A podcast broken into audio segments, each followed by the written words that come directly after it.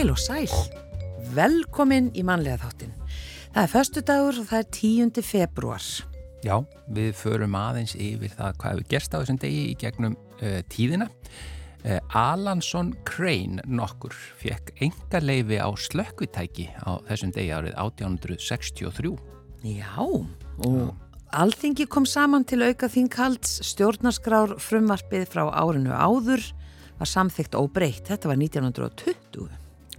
Orlofslög voru samþygt á þessum degjaru 1943 þess að á alþingi og treyðu einn frídag fyrir hvern unnin mánuð. Elliðastlýsið 1962, já, tveir fórust þegar tórin Elliði frá Siglufyrði sökk út af Snæfellsnesi.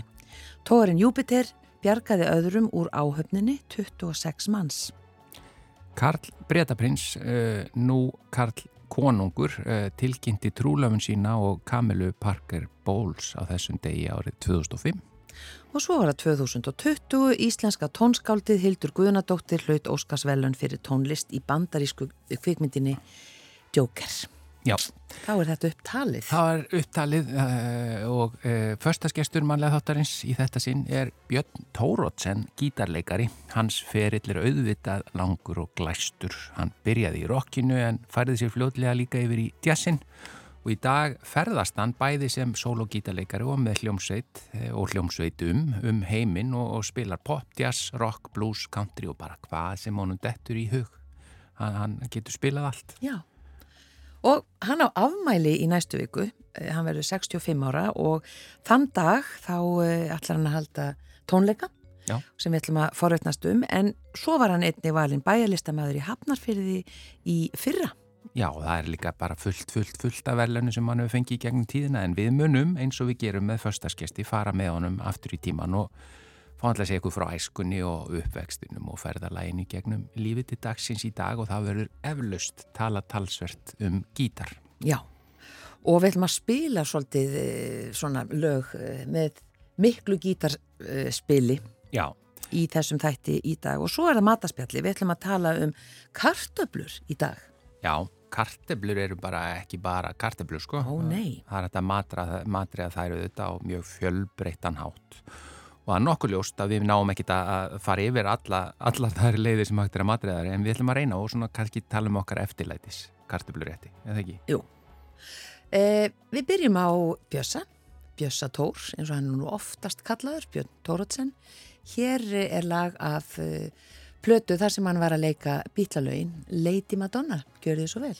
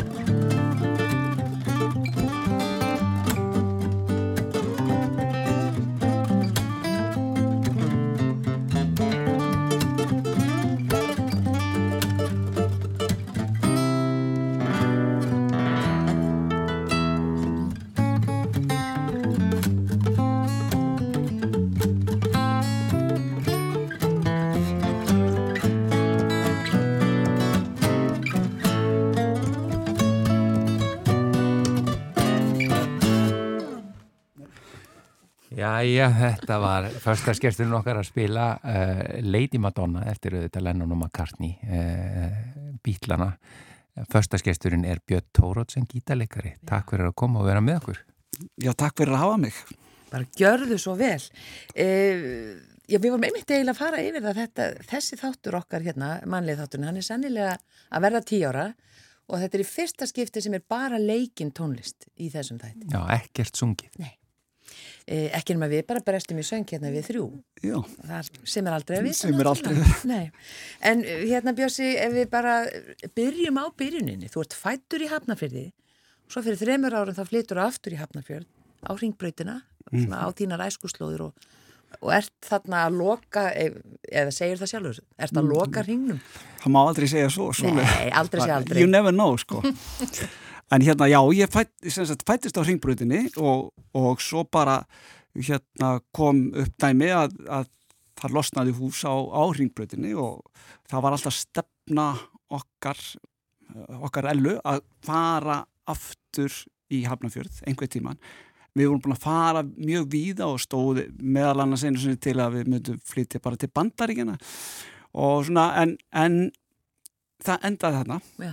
og hérna það var bara æðislegt og, og nú lappa maður svona eins og góðborgari um, um svæðið og svona, þarna var ég í ról og þarna, þarna var ég í lameninn svona okkur stórum strákum og mm. svona ég... Viltu nafngreina það? Banka upp á hjá þeim Banka upp á hjá þeim sko. Já, einmitt En hérna, eh, förum þá bara aftur í tíman hvernig var að vera eh, ungur strákur í Hafnarfyrði og alast þar upp? Það var eiginlega, það var mér fannst það æðislegt sko. Það var, ég hafnafjörðu var bara það var, hafnafjörðu var reysi og ég, ég man alltaf eftir því að ég held ég hafi verið, ég var orðin bara 5, 6, 7, 8 ára eða eitthvað slúðis, ég mannaði ekki alveg þegar ég fór fyrst í Reykjavík. Og, og svo þegar ég var komin í Reykjavík þá fannst mér ekkert merkilegt við það hvað er maður að sækja í Reykjavík? Þetta er allt í Hafnarfyrði ah. þannig að ég leita á Hafnarfyrði sem algjör að stórborg og þar var allt til alls. Þannig að ég hafði enga ástæði til að fara í Reykjavík sko. ekkert þangað að sækja. Og varst bara fegin þegar þú varst aftur komin í Hafnarfyrði já, já, já, algjör já. Og, og hérna Hafnarfyrði var bara skemmtilegur, skemmtilegur bær og það einhvern veginn mótaði mig algjörlega. Og með þegar maður er komin á þennan aldur sem er svona aðeins yfir 50 að þá er maður átt að segja á hvað umhverfið mótar mann rosalega. Það er eitthvað, eitthvað um erðir og svona sko en umhverfið og bara félagskapur sem þú lendir í það, það er það er þú. Já. Það er bara svolítið, það er ekkit floknar bara 50% af manneskinni verður bara umhverfið sem þú lendir í. Mm. Þannig að ég hafna fyrir þur bara á mig með húð og hári ekki spurning. Við nefndum það nú í upphafi, það verður fyrst að tala svona svakafallið um Hafnarfjörð, þá þú varst bara bæjarlistamæður Hafnarfjörðar í fyrra. Já. Og en, ég meina heldur þeim tilli enni það ekki? Jú, jú, ég held honum og, og einu sinni bæjarlistamæður á allt, á allt bæjarlistamæður. Ég læta hann ekkit frá mér. en svona, ef að bærin, já mótar því svona, þú ert náttúrulega tónlistamæður. Var það eitthvað í umhverfnu þarna tónlistin í Hafnarfjörði? Já, ég held að sko, maður verður bara fyrir ykkur hugljómun. Uh, ég bjó rétt hjá Flensborg þegar ég var alast upp. Og bara, þannig að það voru alltaf svona böll og svona, voru kallaða dansæfingar í gamla daga. Og þar voru að koma þegar ég er svona, svona 8-9 ára, þar að koma hljómsveitir og þarna var verið að stopna hljómsveitina Bendix ábyggla, þeir voru að spila þarna og ég man alveg eftir því að hafa farið fyrir utan Flensborg bara til að hlusta. Þú veist, ég var náttúrulega ekkert í skólanum eða nokkuð skapan, ég bara fór til að hlusta, það heyrðist allt út. Og ég man líka eftir því þegar ég var aðeins eldri, þá hljóp ég heim á holskvötuna og reyndi að pikka lægið upp sem þið voru að spila. Svo fór ég aftur og reyndi að ná í þetta var svo stutt á milli. Já. en það gekk nú yfirleitt illa sko. En þetta var svona, ég held að svona bara umhverfis hljóðin og tónlistin bara sem maður heyrði maður verður fyrir ykkur svona ykkur hugljómun og bara allt í hennu á ykkur augnabliki bara ákvæði það ég, mér fannst það svo flott að verða að verða gítarleikari þegar ég erði stór Já. ég hafði engar fórsendur til þess líklegast enga hæfileika en það bara, ég ætlaði mér að gera þetta Hva, Hvað ertu gamall þegar þú færið bara gítarinn í hendurnar og svona ferð að finna, finna þetta? 11 ára, þá, það er það fyrsta sko, en var, þá var ég búin að undirbúið þetta sko, 10 Já. ára er ég bara, ég ætla, því það var ekkert auðsótt að fá gítar Mm. þannig að ég, ég smíðaði minn fyrsta gítar sjálfur sem var alveg hryllingur sko, já, mjög vond smíði það var mína fyrstu svona Með strengjum og allt? ég, sko, ég keipti, sko, það er nú saga frá því að segja, ég kaupi streng, þetta var einhver gamla crossfisblötur úr einhverju skuffu sem voru heima og ég klampir einhverju saman ógeðslega ljótt alveg bara og ég, það er búð í Hafnarfyrði sem heitir Músikasport. Þeir seldu sagt, hjóla hjól og plötur og svona og gítastrengi þannig að ég viss að þessu hafði náttúrulega ekkert að gera í Reykjavík þannig að ég fer bara í Hafnarfjörð kaupi gítastrengi og þá hafði, verið verðbólga eins og er í dag. Þannig að ég átti bara efna á fjórum gítastrengum kaupi fjóra gítastrengi vissa eftir og sex, setti þá í og með skrúfum og alls svona og setti svo svona tegjur sem mamma notaði svona til að halda nær, nærbuksum upp. Og, og þannig að það voru komin Já. sex strengir Já, það þetta var- strengi voru bara tegjur, nærbuksna tegjur. nærbuksna tegjur Já. þetta var fyrsti gítarinn minn og ég skammaðist mér svo ofbáslega fyrir þetta að ég hérna, alltaf ef kom ykkur heim þá fór undir, undir hérna rúm, Gengin að sjá hann. mátti enginn sjá þetta og ég vá, ef ég hefði ég bara haldið þessu til haga sko en ég, Þú hefur viljað eiga hann í dag. ég hafði verið æðislegt að Já. ég hann út af því að En ég meina, það var, þetta var svo ógeðslega ljótt fyrir bæri Já, en bara, ég segi bara, þú varst mjög lausna miðaður þarna. Þetta var- þú já. ætlar greinilega að fá gítar, hvernig sem þú færir að því. já, en, en náður einhverjum hljómi úr þessu eða Já, segja, og, og, hérna, og, og kunnur að stilla og nei, svona? nei, nei, nei, nei, nei. nei, nei, nei, nei, nei, alls ekki sko Já, þannig að þetta var eitthvað glamur allavega? var- já, já, ég, ég finn, fann alveg að þarna, þú veist, það var eitthvað þarna Já, og svo man ég alltaf þegar ég fekk fyrsta gítarin að hérna fór neyri hérna, hérna hljófaraveslun Sigriðar Helgadóttur neyri Vestuveri þar sem Moggi var í gamla og þar voru hann var hægt að kaupa gítar og við, ég og pappi fórum og við keiftum gítars, tekneskan gítar sem kostaði lítið en það var svona, þótti mikið þá. Og ég kem með hann heim og svo var keift bók sem gítarbók Katrínar Guðjónsdóttur og það rugglaði mig alveg í rýminu ég man að, að hérna systemi var fljótar að átta sig á hvernig bókin virkaði ég, þetta var ómikið þannig að ég held mér svona fyrstu fyrsta mánuði við hingítarinn þó ég var í komið með alvöru gítar þannig að já, já, ekki verið mikið á bókina aldrei Já. þannig að þetta flækti málin sko. Það þurfti að stilla og það þurfti að komið sér eitthvað, strengitin þurfti að vera þarna og það þurfti að setja eitthvað, eitthvað grip og svona, þetta var eitthvað ég vildi bara taka sóló Já, já. ekki kjáft að henni og var, varstu komið með svona, er gastu spilað eitthvað þá eftir eiranu eða eitthvað slíkt? Fre Já, já, Frekar en að þá eftir bókinni? já, já, e- e- eftir eiranu og það, það svoleiðis byrjaði og, og hjælt áfram svoleiðis alveg Já. þannig að já, það, það stjórnaði Og hvena síðan, þá leggur þessum hérna heimasmíðaða Já. og svona tekur hinn í sátt. Og Var það eftir þennan mánuð þarna? Já, þá var eftir mánu, ég sá bara, ég átti engan séns, ég varða, varða að fara yfir og, og það var einhver, einhver strákur í götunni að við, stóri bróður einn strás í götunni, hann kunna að spila gítar, þannig að ég fór með gítarn og hann stilt hann Já. og ég held að svo stilling hafi haldið bara í eitt ári eitthvað ég, ég let það bara gott heita maður. Já. og, og þetta, já, þetta opna, það, svona, það koma svona tímabil alltaf í, í þessar gítar, í, í, í gítarleik sögunni að maður fær að það kemur rosalegu svona, þetta er svo hlutabrið, fara upp. Allt og svo verða þið stabil í rosalega langan tíma sko, gerist ekkert sko, alveg hundleðilegt svo bara allt í hennu gerist eitthvað. Og það er það sem mér finnst gaman við að læra músika, það er bara allt í hennu wow, get ég þetta? Og mér fannst líka svo ég trúði því aldrei að ég ætti eftir að geta spila eins og stóru strákarnir. Mér fannst bara, mér finnst þetta galdur algjör galdur.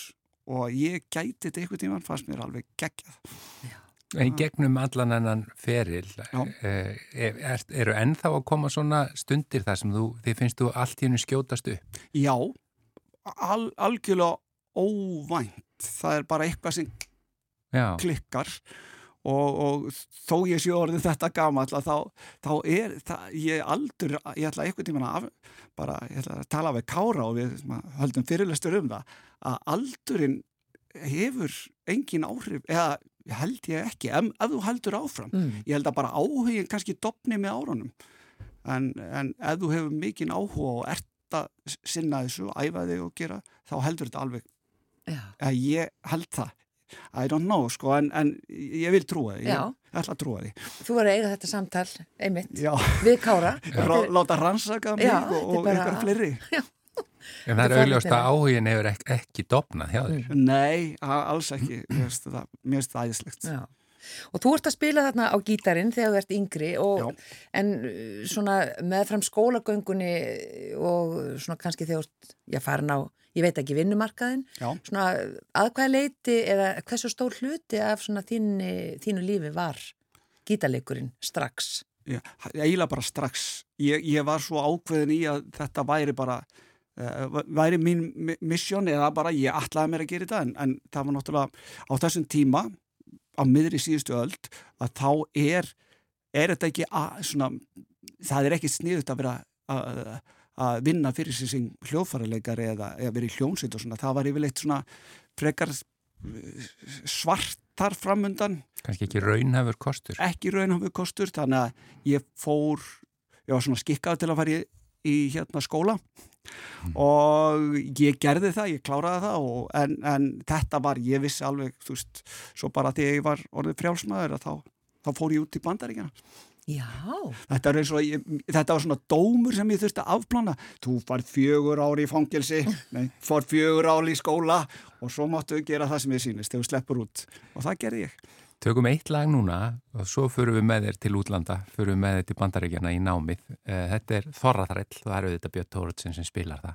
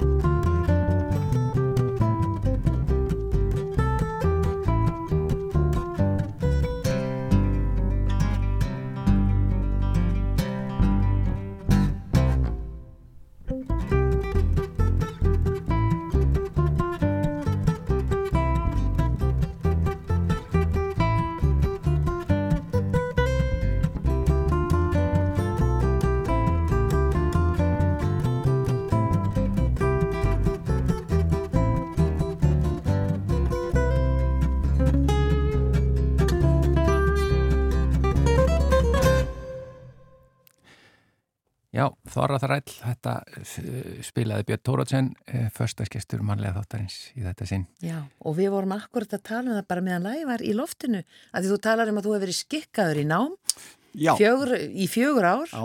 Og það var, þú ert rafindavirkið, þú, þú lærðir það. Lærðir það í skólunum. Já, og daginn sem þú fegst sveinsprófið þá varst, fóstu bara upp í vél og flögst svo til Patrísfjörðar að spila. Já, á gamla flugu, aflagla flugvöldin sem, sem þar var. Já, það eru smá leifar á hann menn þá, en, en ég man svo vel eftir þessu, já. Já, og hefur ekkert starfað sem rafindavirkið síðan þú kláraðar þetta sveinspróf? Nei. Og svo ferði til bandaríkina? Já, fljótlega þar á eftir. Já, segð okkur frá því. Og þá var ég eiginlega búin að leggja upp með það, að, að fara að læra eitthvað meira. Mér angaði bara, þú veist, og hafði séð í, í hérna auglýsingu í uh, bladi sem ég keipti inn á hlemmi, sem heitir Guitar-player, auglýsingu frá flott, einum flottasta skóla sem var nýbyrjaður og þar voru allir svona bestu, flottustu gítarleikarannir sko, Hendrix var, hann var bara dáin hann hefði verið þarna alveg pottið þetta var svona bara flottasta í, og, og ég sæki um þú veist, með bref, brefaskriftum þú veist, bjóst alls ekki við að, að komast inn. Treyti intökupróf hérna á Íslandi með því að senda kassetu og svo, ég man, þetta var svona einn á happadögunni þegar ég fekk brefið, þetta tók, var svona fjara mánu á prósess, fjara fimm mánu, fælóksins brefið og það er opnað, mamma kemur svona nýf, sker brefið eins og það gerir svona voða og það, hérna, og bara þú ert komin inn. Mér fannst það æðislegt, æðislegt. Og það var svona, svona eitt svona, já, eitt af svona tí, topp tíu hamingju sömustu augnablikum lífsins. Og svo fer ég út Los Angeles. Los Angeles, eins og ég segja. Og hérna það er bara það er náttúrulega allt framandi sko. Fólk á sem er orðin svona gamalt alltaf að tala um hvað maður er gamalt að það hafi ekkert farið út, ég hafi aldrei farið út. Hva, Hvað ár er þetta? Þetta er 1980 Já. Ég hafi ekkert að gera neitt út. Ég vissi eiginlega ekki hvar sko valla hvar New York, sko ég held að London og New York var í sama landi, þú veist, ég var ekkert að pæli þessu, það var ekkert erindi þanga og fer til Los Angeles og þetta er allt þetta er svo framandi, þetta er svo stórt og þetta er svo mikið, þetta er svo rosalega hraði og allir svona. Og ég fekk svona kultúrsjokk smá. Mm. og það er hérna, já það er ólangt að fara út í það. En, en ég dröstlast þarna inn og, og svo bara byrjar þetta og ég var bara, ég var alveg ákveðin ég, þú veist, ég ætla ekki að uh, ég ætla ekki að tapa þessar, þessar orustu og, og bara byrja byrja bara með krafti að æfa mig og ég man að ég hafði ekki ég hafði ekki íbúð, ég hafði ekki neitt ég kem bara þarna, Jónas R. Jónsson mm. henn góði, góði vinu minn hann var bjóð þarna úti á þessum tíma og hann tók á móti mér á flugvöldinum og that's it sko. Svo var bara, then you were sko on your own. Og, og ég man sko að fara frá flugvöldunum upp í Hollywood það var eins og að fara á Selfoss. Ég held að það var bara, maður myndi bara ég lappa bara upp yfir ég lappa bara upp yfir aðeins þar en hafnafjörður já, já, ég man að hérna e eitt af fyrstu hótelunum sko sem ég, neða, mótelunum sem ég hérna fór inn á að ég þurfti að sofa ykkur á nótt það ég vissi ekkert hvað það þýtti það, það var adult mótel það var, það var ekki bara fyrir fullorna það var fyrir fullorna og ég vissi allt í bleikuljósum og svona þú veist allski svona. Ég hafði ekki hugmynduð um að maður. Og ég man að hérna Gauri sem tók á móti mér sko hann hérna hann, hann saði sko is it one hour or two hours? Já, það var þetta að leia herbyggja eftir klukku 24 og hérna og ég nei, sólarhingur wow. Herði, þetta var skemmtilegt. Þetta var hérna En var skólinn sem sagt í Hollywood? Skólinn var í Hollywood. Og var það ekki kannski eins glamurus og þú helst fyrirfram? Nei, þetta var svona en samt mikill glamur þetta, skólinn er bara og er ennþá við Hollywood Boulevard sko, rétt hjá Chinese Theatre já, já. og hérna, já þetta var en var, þetta var allt miklu sko, þetta var ekki alveg eins og uh, þetta leit út á Óskarsveluna afhendingunni, þetta var svona meira af mikið af útigangsfólki mm. og svona fólki sem svafa ábyggla á gödunum og svona þannig að þetta var svolítið þetta var stór, stór kultursjokk fyrir horskutumannin. Já, og þú ekki búin að hérna redda þér íbúið en einu áður en þú fórst. Nei, en, fórst en, bara út í óvissinu. já, já, en svo, það er einhvern veginn, e, þetta reddast, það er, that's a saying, sko, Ísland, sko, Já, Íslendingar, þetta reddast og bjargast og ja, það gerði það bara. Hvað veistu lengi?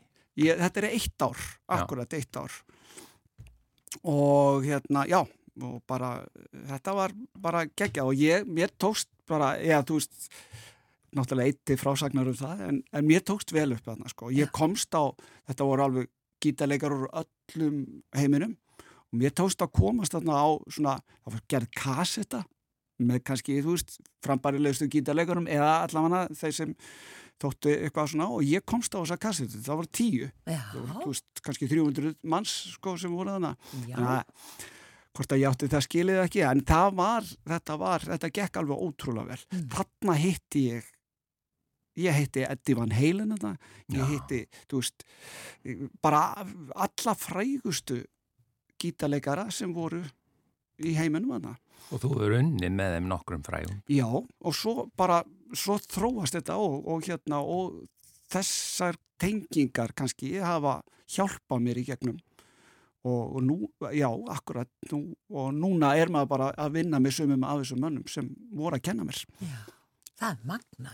eins og Robin Ford til dæmis, hann var ég hitti hann þarna úti og þú veist, við erum bara góði vinnu, tölum saman bara einu sinni viku og, og spila mikið með honum og hann er að gera hitt og þetta við erum að gera hitt og þetta saman Bara frábært. eh, Og hérna heima, það, maður var að stökkva yfir svona eh, hérna, stóra og mikla sögu, eh, Björn, en hérna heima þá hefur nú aldrei líka komið víða við Já, í alls konar hljónsveitum og gítar Íslandsjó er svona kannski svolítið þín, þín sveit. Akkurat, akkurat. Við hérna stopnum þessa Gítar Íslandsjó. Það var þannig að við Gunni, Gunni Þórðar, að við áttum heima beint á móti hvort öðrum í hérna Norðumýrinni og við hittumst oft og vorum að spjalla saman og Gunni hafði alveg Gunni er náttúrulega svo bara frábært tónlistamæður og ég leiti alltaf mikið upp og líti upp til hans. Og ykkur tíman alveg bara beint þá býður að mig heyri Björsi getur þú spila með Ríó Tríó í kvöld? Og þá, hann var alltaf að spila með Ríó Tríó og var forfallaður, þurfti að vera annar staðar. Mm. og vá, Gunni Þórðar er að tala við mig. Ég ringdi í mömmu og sagði henni alltaf lagi, Gunni Þórðar var að tala við mig. Nei, nei. Og það var náttúrulega og þá byrjaði þetta samstára okkar Gunna. Og ég fer að spila alltaf með Ríó annarslægið og svo eru stundu tveir með Ríó tríó og stundum er ég á svona skiptum, skiptum þessu svolítið á millökar Mm. og einhvern tíman þá vorum við ykkur í ferðinni þá fórum við að tala saman. Það var gaman að búa til svona gítar tríó sem væri bara að spila engöngu gítartónlist engi söngur, bara gítar. Og þá stopnum við Gítar Íslandsjó og og hver var þriði? Jón Rapsson kemur svo og við þurftum bassarleikara og það var eiginlega bara við þurftum góðan bassarleikara sem passaði vel í innan hóp og væri skemmtilegur og það var komið já það voru náttúrulega allir bassarleikara skemmtilegir en Jón bara kom, hann var að flytja til eh, hérna Reykjavíkur á þessum tímum, bjó á Akureyri og ég segi bara, tökum Jón hann er alveg smellpassarinn í þetta Mm.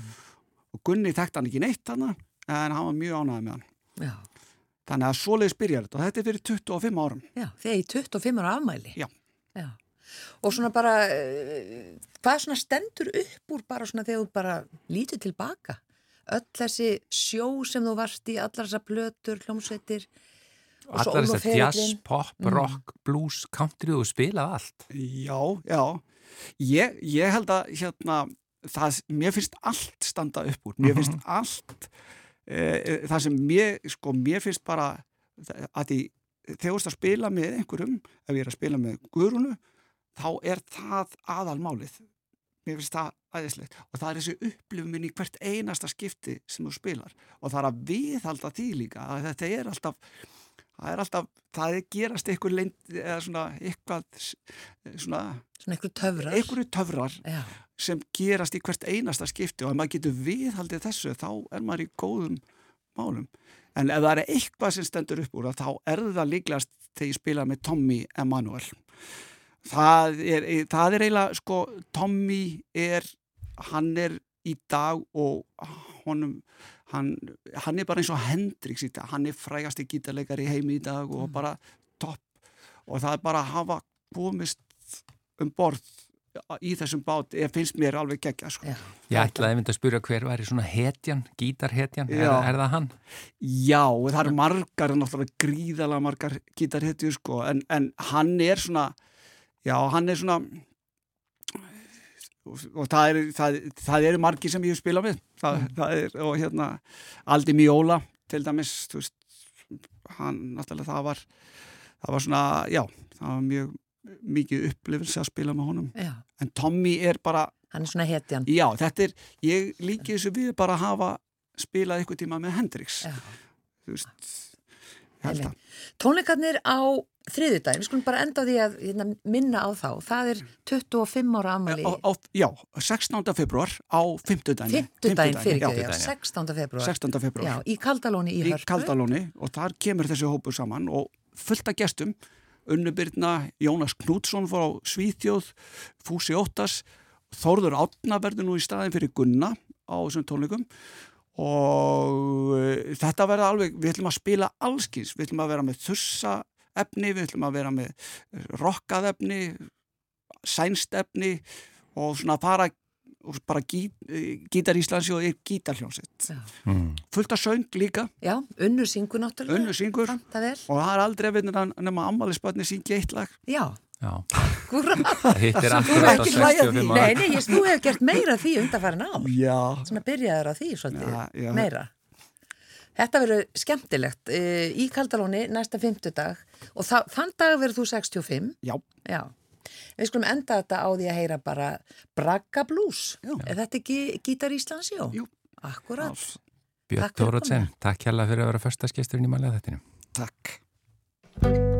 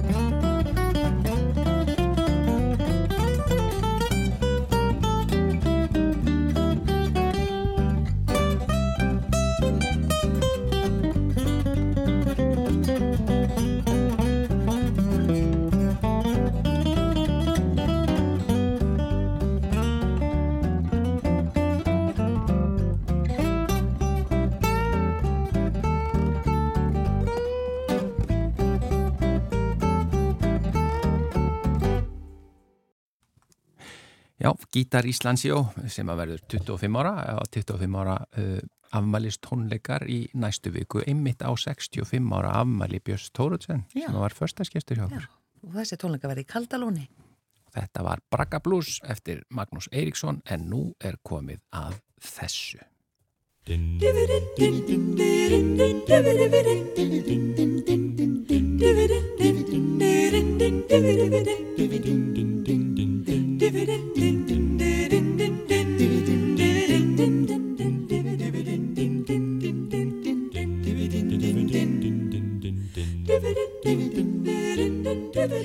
Þetta er nú kannski það við, þetta var ekki rétt hjá okkur þegar við sögum að það erði ekkert sungið í þættunum.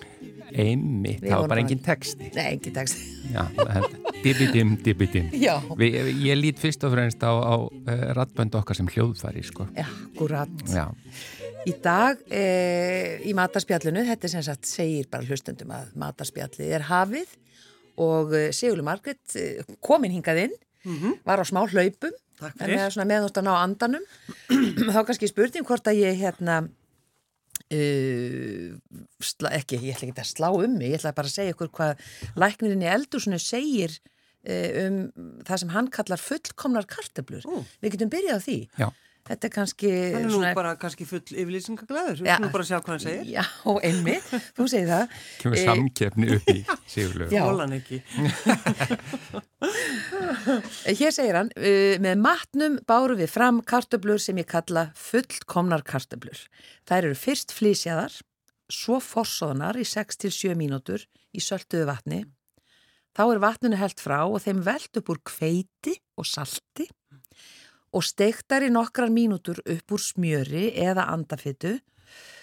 Svo er það bakaðar í opni í klukkustund. Mm. Þá getið þær eru dásamlega gullin brúnar. Að Það þetta hljómar ofan mjög vel, mér. sko. Þetta hljómar alveg svakalega vel. Þetta er eitthvað fyrir helgina. Þetta er eitthvað fyrir helgin. Það minnir mig svolítið á, á mjög skemmtilegar einmitt kartöblur sem að e, þú sko skrælar þær og svo bakar þær í, í opninum í hálftíma, tekur þær svo úr og svona ræðst á þær. Eða svona tekur bakkan og með þær í bakka svona og svo bara hristur bakkan rosa mikið af mi miklum svona mikið reyði, offos og reyði og þá bara verða þær svolítið svona þá verða þær svolítið svona eins og það er búið að kýla þær einu sinni.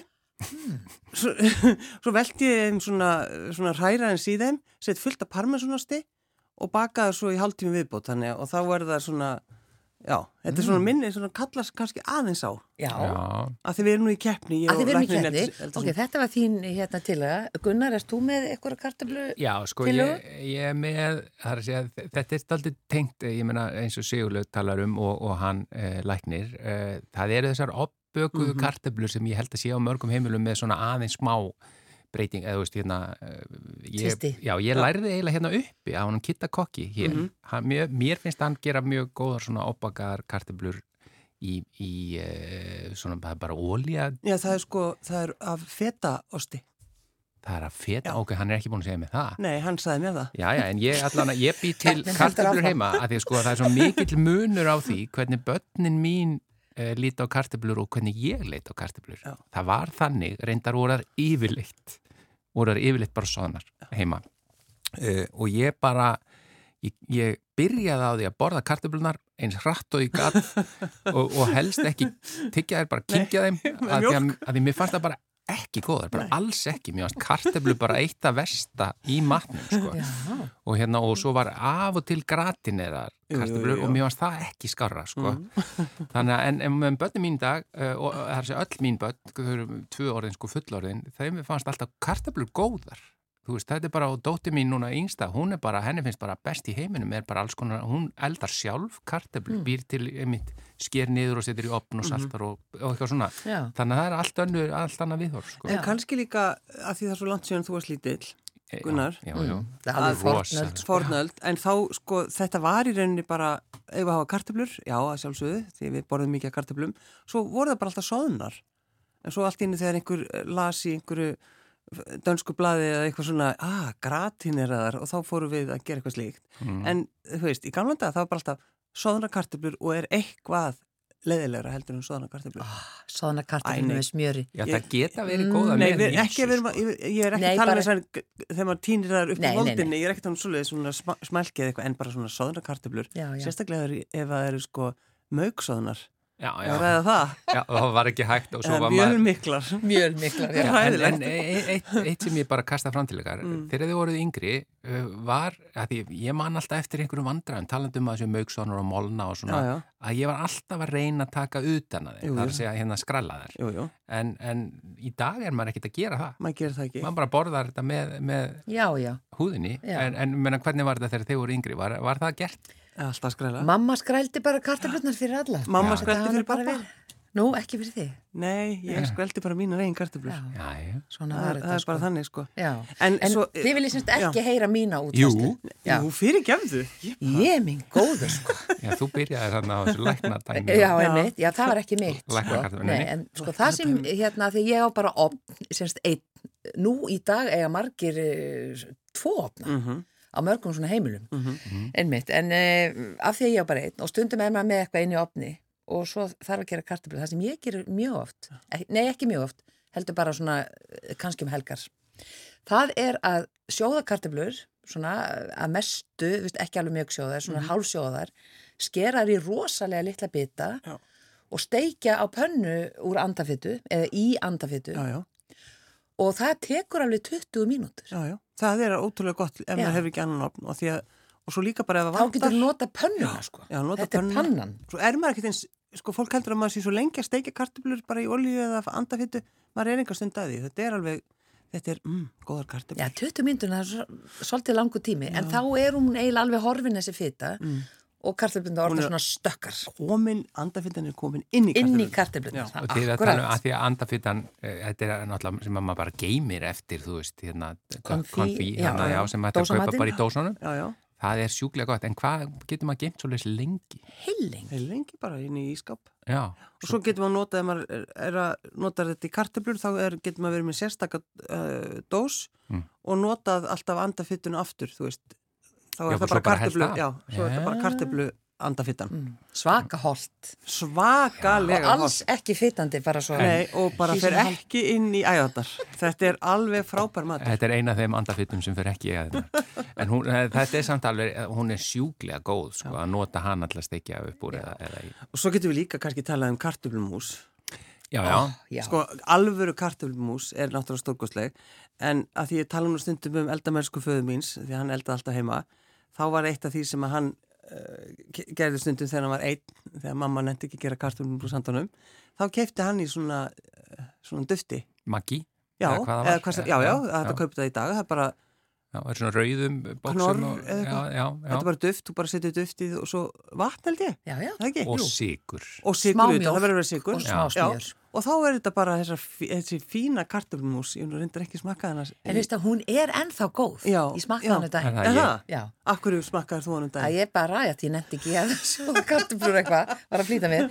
Já, Hún er ennþá góð. En þetta var, þetta var eiginlega svona eins og sápuflögur já, eða já akkurat í. Þetta er eins og, eins og uh, lúksápan Já, aðeins öðru svo bræði bara. Já, aðeins öðru svo fræði Já, já, Já. var hún góð? Eh, Veit það jú, ekki. Jú, kannski Maður þarf að hafa nutmeg, maður þarf að hafa eða músk, múskat Já, og maður þarf að muskat til að setja út í. Já, þú veist, mað, kannski getum maður bræðbætt hana þetta er nú kannski tilhörna starfsemi sem við getum hvað hlustundur okkur til þess að um í? helgina ef enginn ennir að gera kartunumús Já, og líka bara að því mjög margir í dag gera það frá grunni, sko, Jú, jú. þú veist, hérna, og hvað er gott að blanda við, einmitt, já. Já, það er náttúrulega hita mjölkina, þetta er svona, svona nokkur, nokkur svona atriði sem við þarf að hafa í huga. Hita, já, hita mjólk. Hita mjölkina er maður að búa til kartumúsina. Setið alltaf mjólk í Já, já. kartöflús sem þið Já. búið til sjálf. Já, Já, Er það? helst rjóma. er það? Já, menn af hverju haldið að maður sé svona eins og maður er. já, ég, Svona nefnilega- lekkar. Ma- Svona lekkar. Mm. Ég hef ekki búið til frá grunni sko kartöflumús en eh, kona mínu hefur gert og ég man ekki, ég held hún að ekki sett mjólk í sko, ég þarf að komast að þessu hvað hún gerir með þetta. Já. Það er örglega hægt að nota kókosmjólk eða eitthvað svo ímyndaði Nei, mér. þá en- en... kemur allt annað Já, bræð. ég Ah. hef aldrei prófað það. En já, ég segi bara rjómi, smjör og salt. En svo er það líka, svo getur maður, þú veist, spánverðarnir gerir náttúrulega omulettuna með afgangum og kartöflunum, eða náttúrulega ekki kannski, þú veist, en ef maður á kartöflur, þú veist, aldrei henda þeim, því það er gott líka bara að taka þessar og steikja þær í olíu og rósmarín spænska kartöflu omelettan er náttúrulega einstök, sko, hún er alveg sjúklega góð. Já, Já. ég er að samála því. Og svo er þetta að taka kartöflutnar og bara uh, oft baka þær og svo svona þegar alveg að vera tilbúnar, þetta gerir Jamie Oliver, þá kremur hann þær. Já, einmitt. Bara svona með eiginlega buffhamri eða einhverju svona. einmitt þessi reyði sem Já, ég var að tala um hérna einmitt. með parmesan kartilbrunar. Kremur það svolítið þannig að það opnast og þá setur hann meiri olíu og svo kannski salt og, já og er ost. Eða þú ert ekki að tala um sko þessar stóru opnkartöflur heldur. Þá- þarna bara venluðu kartöflunar Já. í opni, já. En Svo muni- er það Hasselback. Já, Það eru það er er það? klassíst, alveg klassíst. Já. Hvað er Hasselback? Það er, hérna, þá er skorið í þar, svona lestu í gegn Eh? og svo er sett salt onni þar Og og smjör, bak, eða smjör og bakaðar. Já, en þa þá erum við að tala um stóru. Já, Já, þá er það svona. Já. stæri, þú getur nota bara svona stóra matskið til þess að skera í þær, því það ekki alveg niður. Já, En svo er náttúrulega alltaf verið að tala um að, að, að því að það er fólk út um all, all land sem er alltaf að tala um megrun og hvað er holdt og hvað ekki sem er Ógíslega leðileg. ógislega leið, takk fyrir þú sagði það. Heyrður ég ætlaði að fara að segja við það. sáum það bara svipnum Það að gott, Já, það er óþólandi og, og, og einhvern tíman þá máttu við ekki borða kartöblur og ef þú ert á keto þá bara, máttu ekki borða kartöblur Akkurat, það er svona Já, ekki sterkja í það þeim. svona, það er bara svo hræðilegt hvað gerum við ef við borðum kartöblur En vitið þið hvað? Það er svakalega mikið að C-vitamíni í kartöflu. Sko. Já, Þetta bara hjælt okkur frá því að fá skirbjú á Já. öldum áður. sko, Áður, já. þetta hún veit hún, maður kemur nú ekki tómum kónum hjá Aldrei henni tóma Guðrúnu kofunum, já. það er nú bara þannig Svo rakst ég á eina svona kartöflu uppskrift hjá henni já, uh, sem kannski stittir þetta kartöflugratín inn í sko opninum og þá sem sagt síður hún kartöflunar uh, eða ég manna ekki hvort hún síður áður allavega skerða niður og rjóman og allt saman og lætur þetta í pott. Já, já, já sjóða mjög rólega svona saman í eitthvað tíma svo bara tekur hún þetta skellir í eldfast form og stifir hún inn í já, þannig að þetta, þetta flýtir fyrir ferlinu Já, sko, akkurat. fyrir, fyrir ef, ef við erum að flýta okkur en það er helgin framöndan og við erum ekki að flýta okkur, við ætlum að, að elda í hægum takti, Já, það er engin að flýta sér um helgina engin. en svo En eru franskar Ég ætlaði einmitt að segja það, erum við eigum að Við sleppa því? frönsku, Nei. nei. Nei, þær eru nefnilega, þær eru auðvitað góðar franskar eru stórkostlega góðar. Stórkostlega. Silla er mikill, eh, svona á, er ég er mikil áhuga kona um franskara. Að að búa til Já, frá bara, grunni. já, mér finnst það alveg, það er ótrúlega skemmtilegt að gera þetta og þá er það þessar bökunarkartöflur Já, og maður sker þær í svona hefur það svolítið þykkar og bara fríhendis með, með nýf, þú Já, já. með svona skera einhvern. Nei, nei, þetta er svona eins og ertu, notu þú kannski kvítlökspressu? Uh, Já, Já, ég líka stundum. Já, alltaf leið, við skulum fyrir mig það síðar já, og svo setur maður þar í ég vatn alltaf. Nei, ég veit það. Svo lætur maður náttúrulega líka í vatni alveg heil lengi og svo steikir maður þar einu sinni og setur þar inn í fristi eða ískap í smá tíma. Hm? Já, og svo steikir maður þar aftur og kælir þar aftur og svo í þriðaskipti þegar steikin er tilbúin eða hvað sem er sem við ætlum að, að uh, borða með þessum kartöblum að þá steikir maður þeir í þriðaskipti. Sko þrý steiktar franska kartöblur. Þrý? Það er, Vá, Ég, ég fer að gráta. ég hvað er nákvæmar yfir þetta? Byrju, þú steikir það hvernig? Í bara, í bara stórum potti, bara í róli heitum, bara í djúps, bara já, ég- og ég ger bara alltaf, já, eða bara steikingarolíu, bara í raunin alveg sama já, og steikið þar allar bara og setar á svona disk og ón á pappír, til að þerra aðeins. já, og bara inn í þess að kæla þær, Já, inn í fristi. fristi eða ískáp, í Ok. bara kannski tímyndur inn í Já, ískáp. ekki alveg, þú fristið þær ekki í Jú, gegn. Nei, nei, Nei, ok, En maður að já, það, það setja, mátti skilja það Já, áðan, ég- sko. Svo æstir ég byrja að tala um þetta. Já, Og svo þegar það er búin að vera kannski í ískapnum í svona tímyndur eitthvað sluðis, þá er það orðan kannski smá kaldar og þá steiki ég þar aftur mhm, og setar á ný, nýtt blað og, læt, og þerra af þeim og setar aftur í ískapin og þá erum við að taka til það sem við ætlum að borða með og svo því að sko það þýðir ekki að láta þær býða eftir gestunum því að þú veist þá verða þær bara svona eins og blöyti sokkar já. skiljiði En veistu bara hvaða, hvaða gerir að kæla þær? Hvað þá er verða þær bara svo góðar? Þú veist, já, já. ég, ekki, ég er ekkit með nein Það bara vísindi. virkar. Það, þetta bara virkar já. Ég, Já, ekki, hérna. það er við einhver ástæð fyrir þessu eins og öllu Ég ætlaði að segja ykkur nefnilega frá sko, bara bestu frönskun sem ég fengið sem Mhm. að, þá er ég að tala um sem maður kaupir sko, veist, hérna, og þær eru einmitt og ég ætla, ég held að ég var að segja eitthvað voða leindamála þær eru sko tvístekta já, já. en, þú bara toppar það með einhverju ég get alltaf þrístektu toppað þig og eru þær þá svaka svona Mm, krönsi svo- já, og, og dökk að vera svo fallegar litin utan. sko, já, svo býtum maður í þær setur svona bara maldón uh, eða svo veist gróft salt Mhm. og mm, og bara, æðislega. Já, eh, og en mjúkar inn í já, og mjúkar inn í. Vá, heyrðu, þetta ætla ég að prófa. En það sem er svo merkilegt er það að uh, það er óþólandi þegar maður er að panta franskar á veitingastöðum Já. þegar það komanast í hvítar Nei, tilmanns það er náttúrulega bara dónalegt, sko. Já, bara, ég vil segja bara hætti þessu. Steikið er almennilega. Já, þeir eru ekki vel Já, þeir eru svona uh, ljósar bara eins og það er- þær hef ekki lengt í neinu. Ég bara ljóskular, alveg saklusar Já, saklusar en Það viljum við ekki. mjög mikilvæg spurning, hvað borðið þið með frönskum? Hvað finnst ykkur gott? Auðvitað getur stundu verið með mat og þá er sósa með en, Já, já. en þú veist þessi bara sett- frönsku sósa tómatsósa bara hjá mér sko. Er bara salt, ég vil ekki eðilegja það neitt. ekki koktel eða neitt. Nei, nei, nei, og svo bara steik. Blóðuða steik. Já, já. Ekki bara.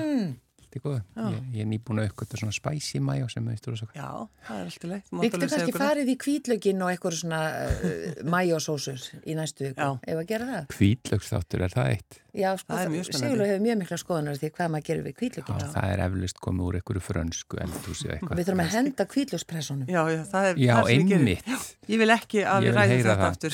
Já. En hérna, það er fyrstu dagur, Sigurlega Margrét, e, þú farið heiðurinn að því að hvaði okkar hlustendur. Kæru hlustendur, góðar stundir.